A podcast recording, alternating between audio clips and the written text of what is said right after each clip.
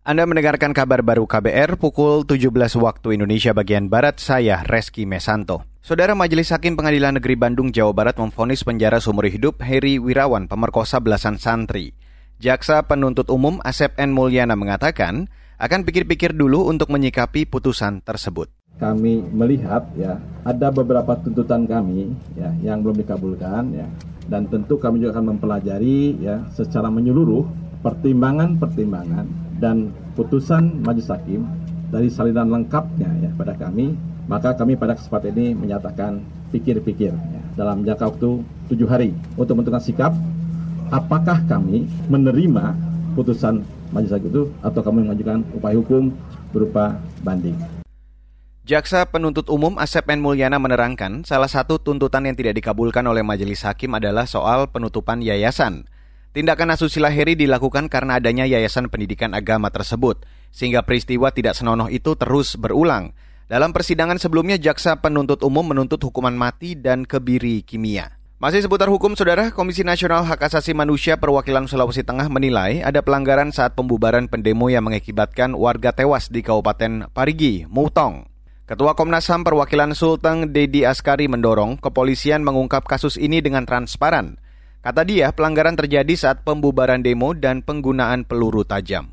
Membungkam kebebasan berkumpul, berserikat, dan mengeluarkan pendapat, apalagi dengan cara-cara kekerasan dengan moncong senjata itu adalah pelanggaran HAM luar biasa. Hingga menyebabkan atau memunculkan jatuh korban meninggal dunia. Dalam situasi dan kondisi apa pun, penggunaan senjata api dengan peluru tajam kepada masyarakat sipil. Saudara itu tadi Ketua Komnas HAM perwakilan Sulawesi Tengah Dedi Askari. Kemarin Kapolda Sulteng Rudi Sufaryadi meminta maaf atas tewasnya demonstran bernama Rivaldi dalam aksi menolak tambang di Parigi Moutong. Peristiwa itu terjadi saat petugas menindak penutupan jalan pada Sabtu malam.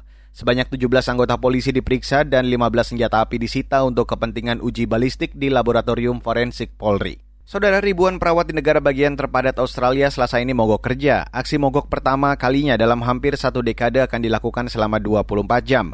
Aksi dilakukan karena kegagalan pembicaraan dengan pemerintah untuk mengatasi kekurangan staf dan menetapkan kenaikan gaji. Para perawat berkumpul di depan gedung parlemen negara bagian Sydney dan memegang spanduk bertuliskan lelah, lelah, lelah, dan lelah. Perawat menuntut kenaikan gaji lebih dari 2,5 persen dan rasio perawat pasien yang lebih baik.